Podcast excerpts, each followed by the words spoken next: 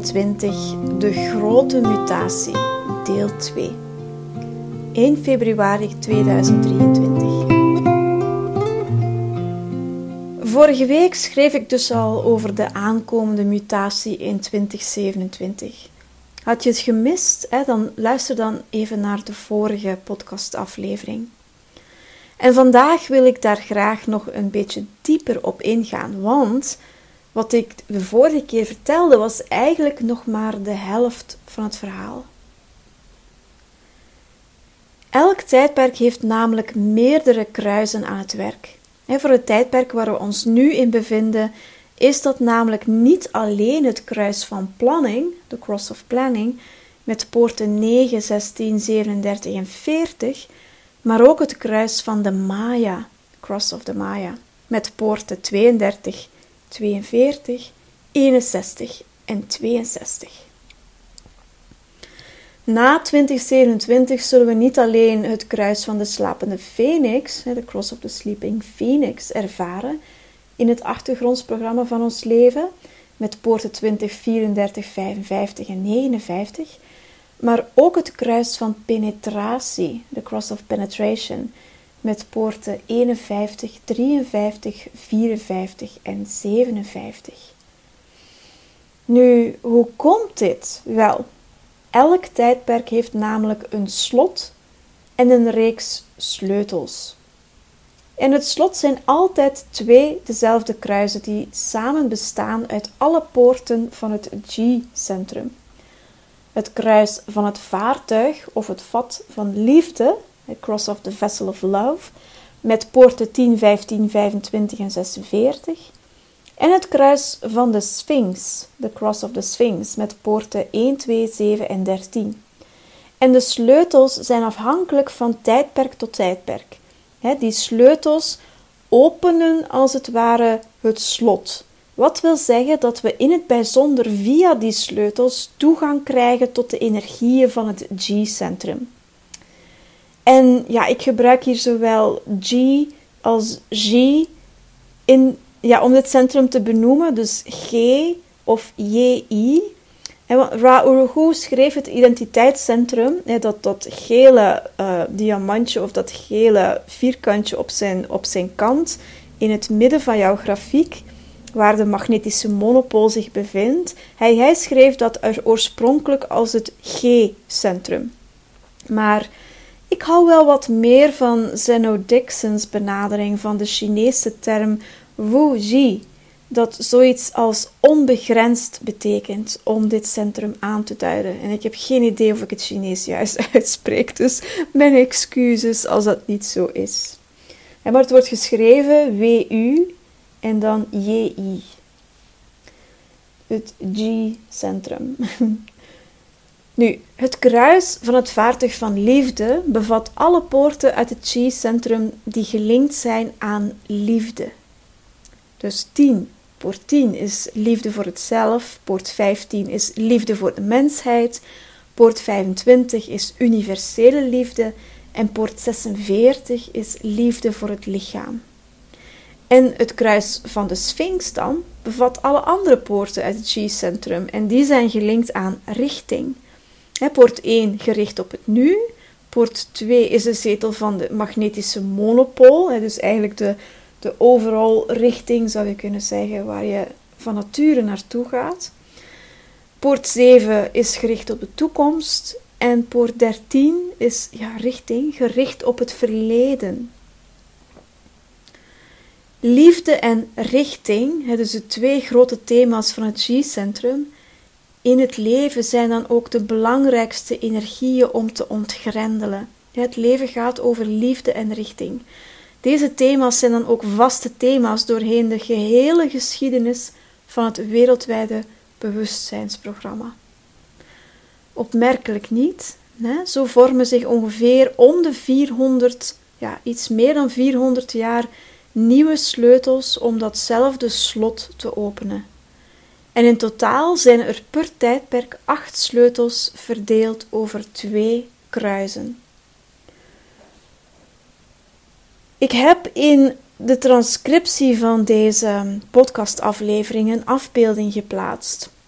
Het is een fragment uit een veel langer wereldwijd bewustzijnsprogramma, dat het het Global Consciousness Program wordt genoemd, dat al sinds 16.513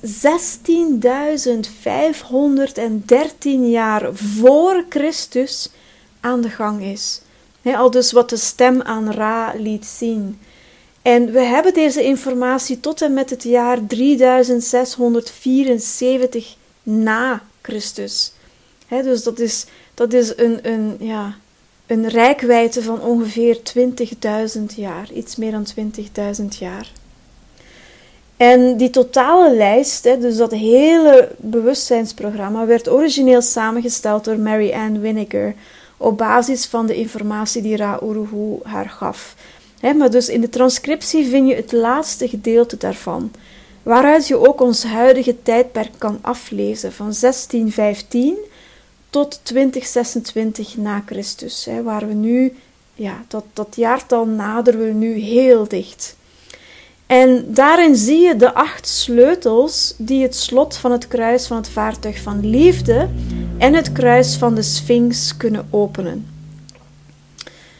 dus die sleutels die ik opnoemde zijn eigenlijk de poorten van die twee kruisen uh, die de sloten de twee kruisen van het G-centrum kunnen openen.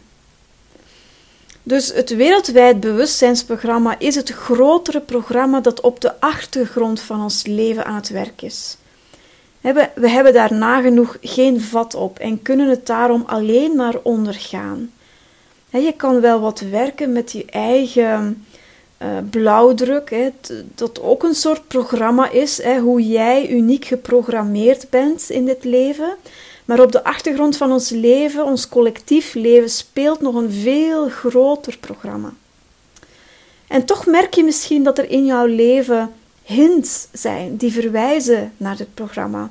Onder andere door wat we zien op collectief niveau, maar ook door bepaalde mensen die zich in jouw leven aandienen die bepaalde sleutels of één of meerdere poorten uit het slot dragen, die dan een verband lijken te hebben met de sleutels of poorten uit het slot die jij eventueel draagt in jouw design.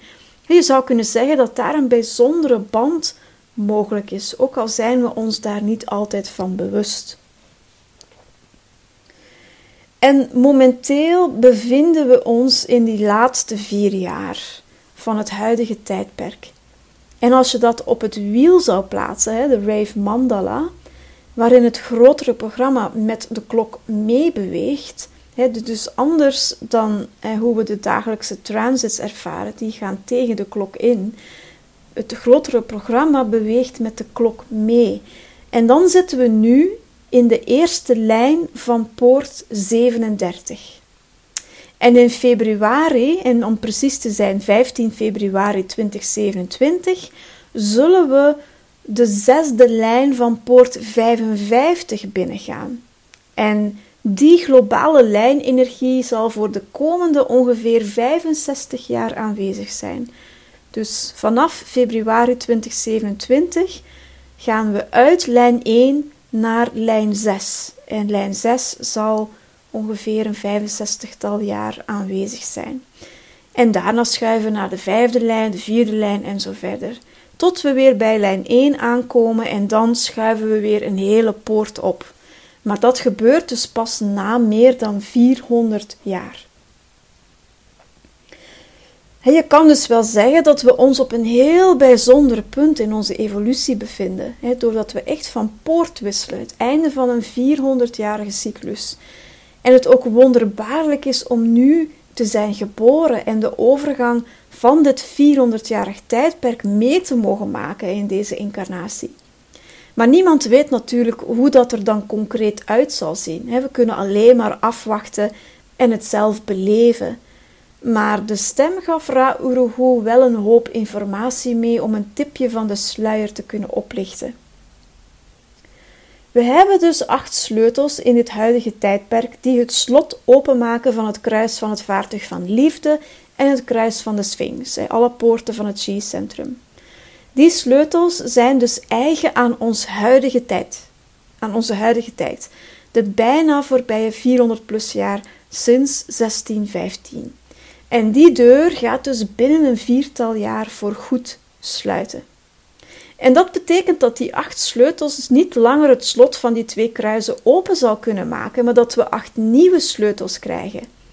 Waardoor we het kruis van het vaartuig van liefde en het kruis van de Sphinx op een andere manier zullen ervaren. Of beter, om de energie uit het G-centrum te ontgrendelen, hebben we dus andere sleutels nodig vanaf 2027. En die sleutels bepalen dan ook de globale energieën die werkzaam zullen zijn in het achtergrondprogramma van ons leven. ook bekend als het grotere wereldwijde bewustzijnsprogramma, zoals Ra het noemde. En in de transcriptie heb ik ook een, een overzicht geplaatst waarin je beide bundels van acht sleutels die nodig zijn voor het huidige tijdperk waar we ons in bevinden en voor het tijdperk dat er vanaf 2027 zit aan te komen, kan zien. dus aan de ene kant van het schema heb je dan ehm, de sleutels die we nu werkzaam hebben in ons huidige kruis van planning en kruis van de Maya. En aan de andere kant van het schema zie je de sleutels die werkzaam zullen worden ehm, en die dus ja, de poorten zijn van ehm, het, het, kruis van de slapende phoenix en het kruis van penetratie. Ehm, dus daar, daar gebeurt een verschuiving. En als je dan even wat dieper gaat kijken, dan merk je misschien ook het verschil op in energie aan de hand van de circuits waarin de verschillende sleutels zich bevinden.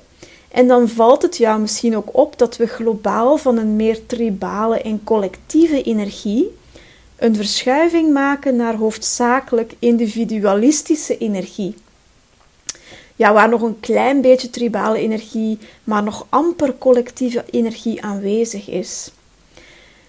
Ook is het een klein beetje collectieve energie vanaf 2027. Uh, eh, ja, het is abstracte energie uit het sensing circuit. Hè, wat dus meer duidt op ervaringen in het leven in vergelijking met de meer logische collectieve energie die in ons huidig tijdperk, tijdperk werkzaam is, uit het understanding circuit. Dus we verschuiven ook van het logische circuit naar het abstracte circuit.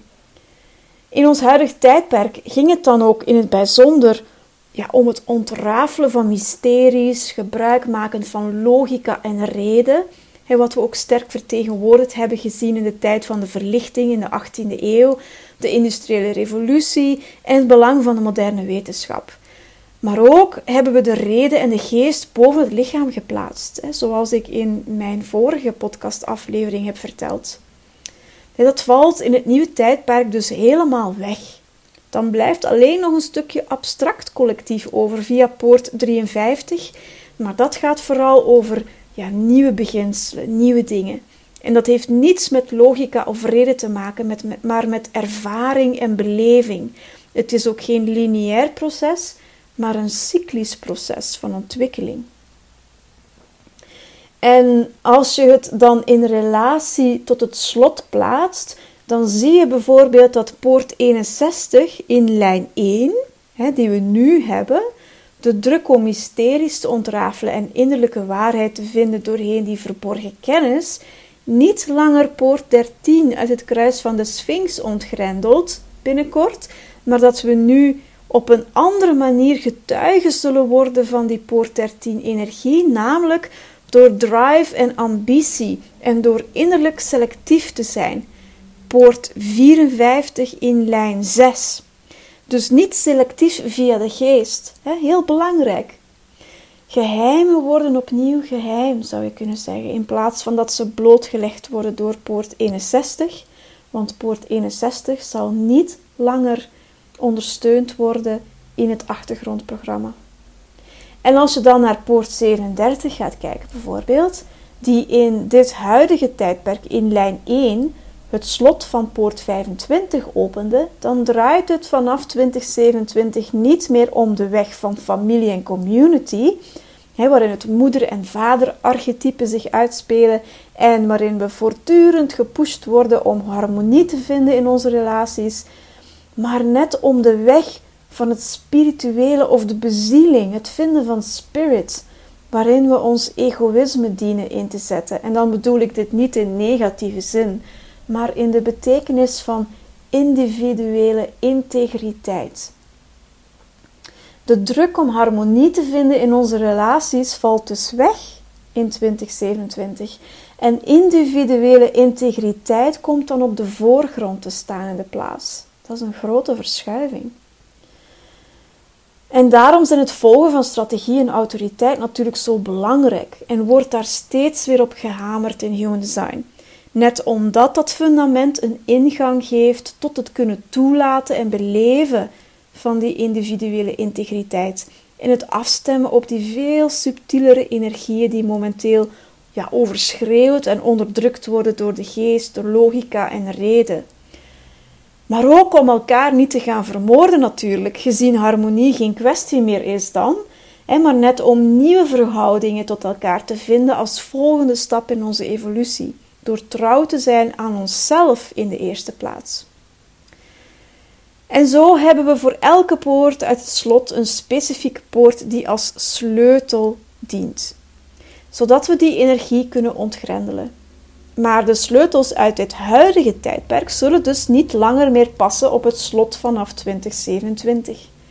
En daarom hebben we nieuwe sleutels nodig. En die sleutels zullen de belangrijkste energie-invloeden vormen van dit wereldwijde bewustzijnsprogramma, waar we allemaal deel van uitmaken. Dat wil ook zeggen dat de dingen die eigen zijn aan dit, tijdperk plaats zullen moeten maken voor dingen die eigen zijn aan het nieuwe tijdperk. En dit komt dus met een tijd van verval, hè, waarna nieuwe dingen kunnen ontstaan. En daar zitten we nu middenin. Of beter, we zijn dat proces aan het afronden, waar evolutie verloopt ja, evolutie verloopt dus natuurlijk heel traag. Dus er is altijd een soort van overlapping waarin verval samen lijkt te vallen met het nieuwe dat er al aan zit te komen of al aanwezig is. He, zij het nog niet in volle zicht. dus we ervaren een soort van transitieperiode. Niettemin kunnen we wel zeggen dat het ontzettend boeiende tijden zijn. En de vraag van 1 miljoen is natuurlijk hoe de wereld er dan uit zal zien in dat nieuwe tijdperk.